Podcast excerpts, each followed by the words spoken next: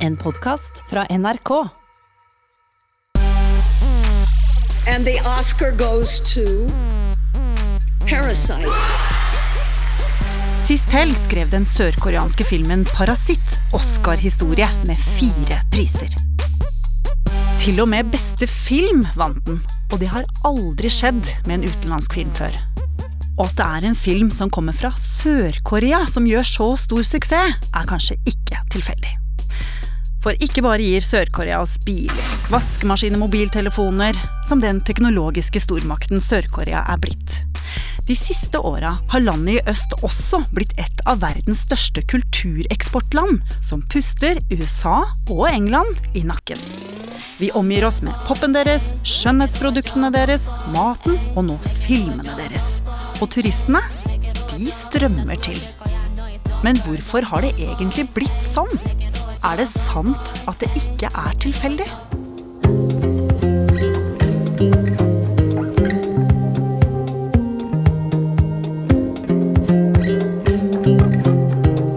Du hører på Oppdatert.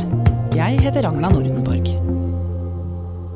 Parasitt var jo årets desidert store Oscar-vinner. Parasite has six Academy Award nominations and is the first film not in the English language to win Best Picture, winning four Oscars tonight. Eh, men eh, i sammenheng med sørkoreansk kultureksport er dette bare toppen av isfjellet, tror jeg. Danby Choi er redaktør for magasinet Subjekt, og er Sør-Korea-kjenner.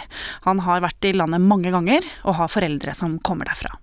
For du skal egentlig ikke se så langt før du ser koreansk eksport eller koreansk kultur. Jeg tipper det er en Samsung her i rommet, om ikke en Hyundai på parkeringsplassen utenfor, som kanskje blæste på noe k-pop eller noe sånt. Og dette er jo egentlig et ganske nytt fenomen. Dette at uh, sørkoreansk pop og sørkoreansk popkultur er liksom en viktig del av vår kultur.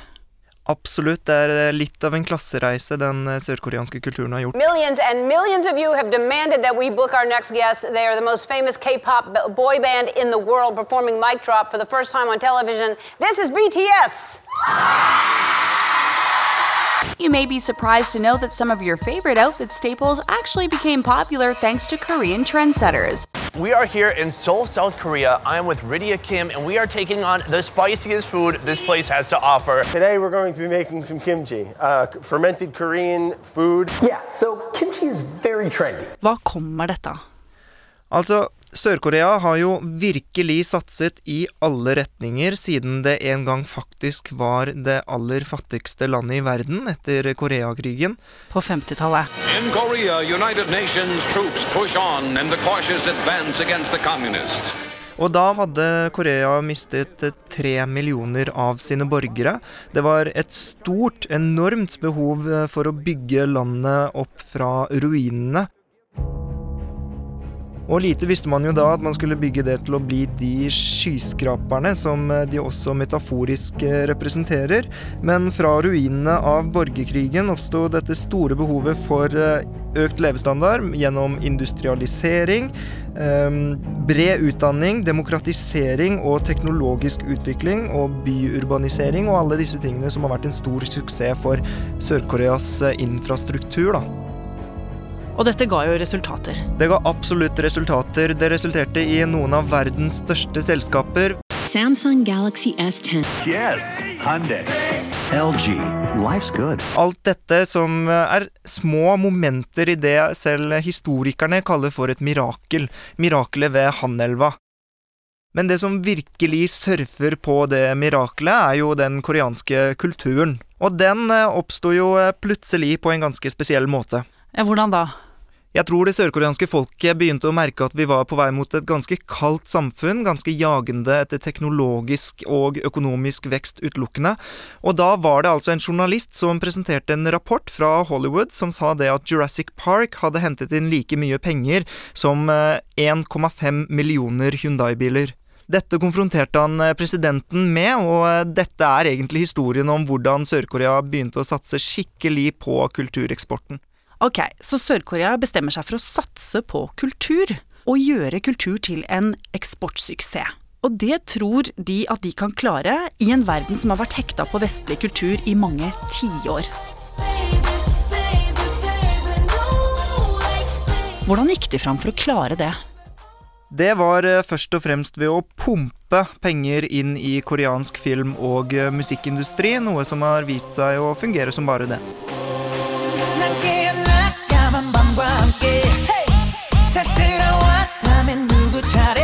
Det vi hører nå, er eh, Big Bang, som er et direkte resultat av den kulturpolitikken. De kommer fra en hitsfabrikk som veldig mange andre k-pop-band. Tidlig på 2000-tallet, bare få år etter at det pumpes penger inn. Ja, Fortell hvordan eh, denne bransjen bygges opp og fungerer. I Norge så har man jo veldig stor respekt for den der eh, kunstneriske autonomien og sånn, å lage frie kunstneriske produkter. Det har man ikke brydd seg så veldig mye om i Sør-Korea. Den er ganske kynisk.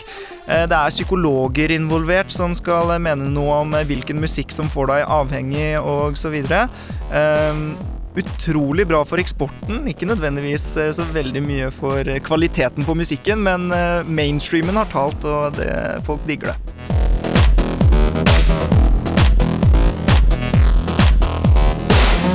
Men Danby, jeg forstår jo at folk i Sør-Korea liker k-pop og koreansk kultur, men jeg forstår fremdeles ikke helt hvordan de klarer å overtale Vesten til å bli med på dette her. Hvorfor traff de så godt? Det er to ting, og det ene er jo eh, Forutsetningen er at uh, musikk er et universelt språk. Og det andre er at de har drevet en virkelig målrettet kampanje for å få det til. Og de har analysert musikk fra hele verden, popmusikken, og tatt de mest effektive, selgende kvalitetene ved den musikken og uh, virkelig truffet en nerve, da. Se bare på Gangnam Style fra 2012, som ble historiens mest sette musikkvideo. Open Gangnam Style! Around the world, people are being swept up by uh, Korean culture, uh, the Korean wave. Uh, my daughters have taught me a pretty good Gangnam style. Og når til og med Obama begynner å skryte av uh, k-pop, da vet vi jo at det er blitt en uh, global uh, størrelse. Ja, da har du virkelig truffet alle. Open Gangnam style! Men hvordan hjelper dette her Sør-Koreas økonomi? Altså, I seg selv så er jo det å være en av verdens fem største underholdningsindustrier en eh, pengemaskin av dimensjoner. Men eh, når sørkoreansk kultur vokser, så gjør man bilnæringen sterkere, turismen eh, større, og Sør-Korea til et land man virkelig vil lære fra å reise til. Samsung vokser, Hyundai vokser av musikk- og filmnæringen, og til og med plastisk kirurgiindustrien i Sør-Korea, som er verdens nest største, vokser av at vestlige og andre folk vil se ut som sørkoreanere pga. Eh, k-pop-industrien. Men Danby, du sa jo i stad at presidenten i Sør-Korea ble utfordret av folket. Eh, fordi de mente at samfunnet var blitt så hardt og kaldt. Og så skulle jo kulturen skape en ny vei, en varmere samfunn og et varmere kulturuttrykk. Men når jeg ser på sørkoreansk pop f.eks., så er det jo ganske sånn polert og rigid og hardt, og det er, det er et skjønnhetspress uten like, eh, som også skaper ringvirkninger i samfunnet i Sør-Korea. Ble det noe annerledes? Det ble jo virkelig skutt eh, fart i sørkoreansk eh, kulturnæring, som er en mykere type næring, men dessverre så tror jeg ikke at det har bidratt til noe varmere samfunn, nei.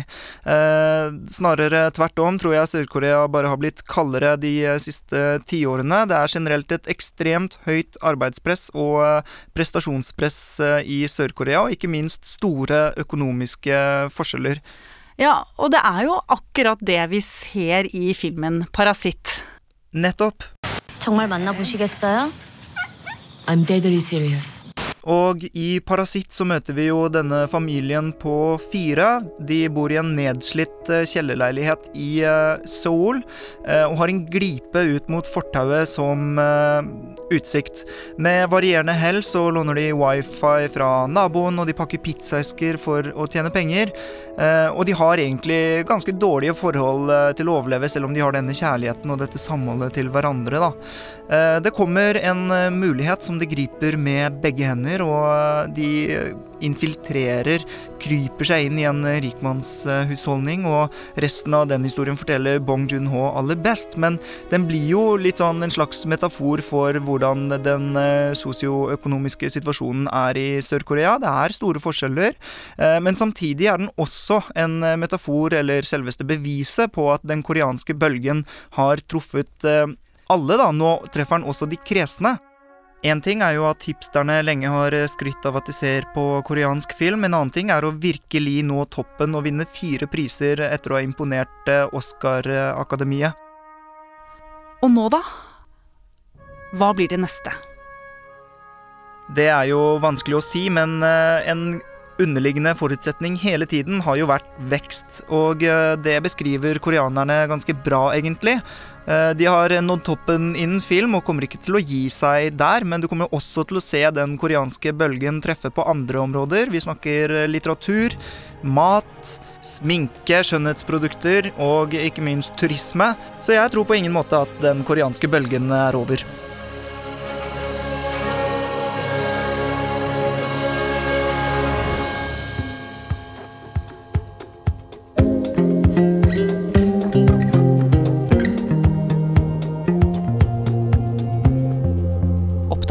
Lages av Ida Tune Øritsland, Rikard Sveen, Petter Sommer og meg, Ragna Nordenborg. Vil du kontakte oss, gjør det på oppdatert krøllalfa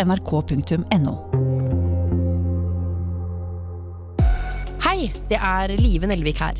Jeg har tre barn, og noe av det mest fantastiske jeg har opplevd i livet, det er å bli lastet ned som podkast av deg. Hver uke i Lørdagsrådet løser kjente fjes helt vanlige og nokså uvanlige problemer. Som for eksempel jeg er vegetarianer, men snikspiser kjøtt. Eller kjæresten min tror ikke på månelandingen, må jeg slå opp? Det vi prøver å løse, det er ekte, og det er sendt inn av deg. Last ned Lørdagsrådet og andre podkaster i appen NRK Radio.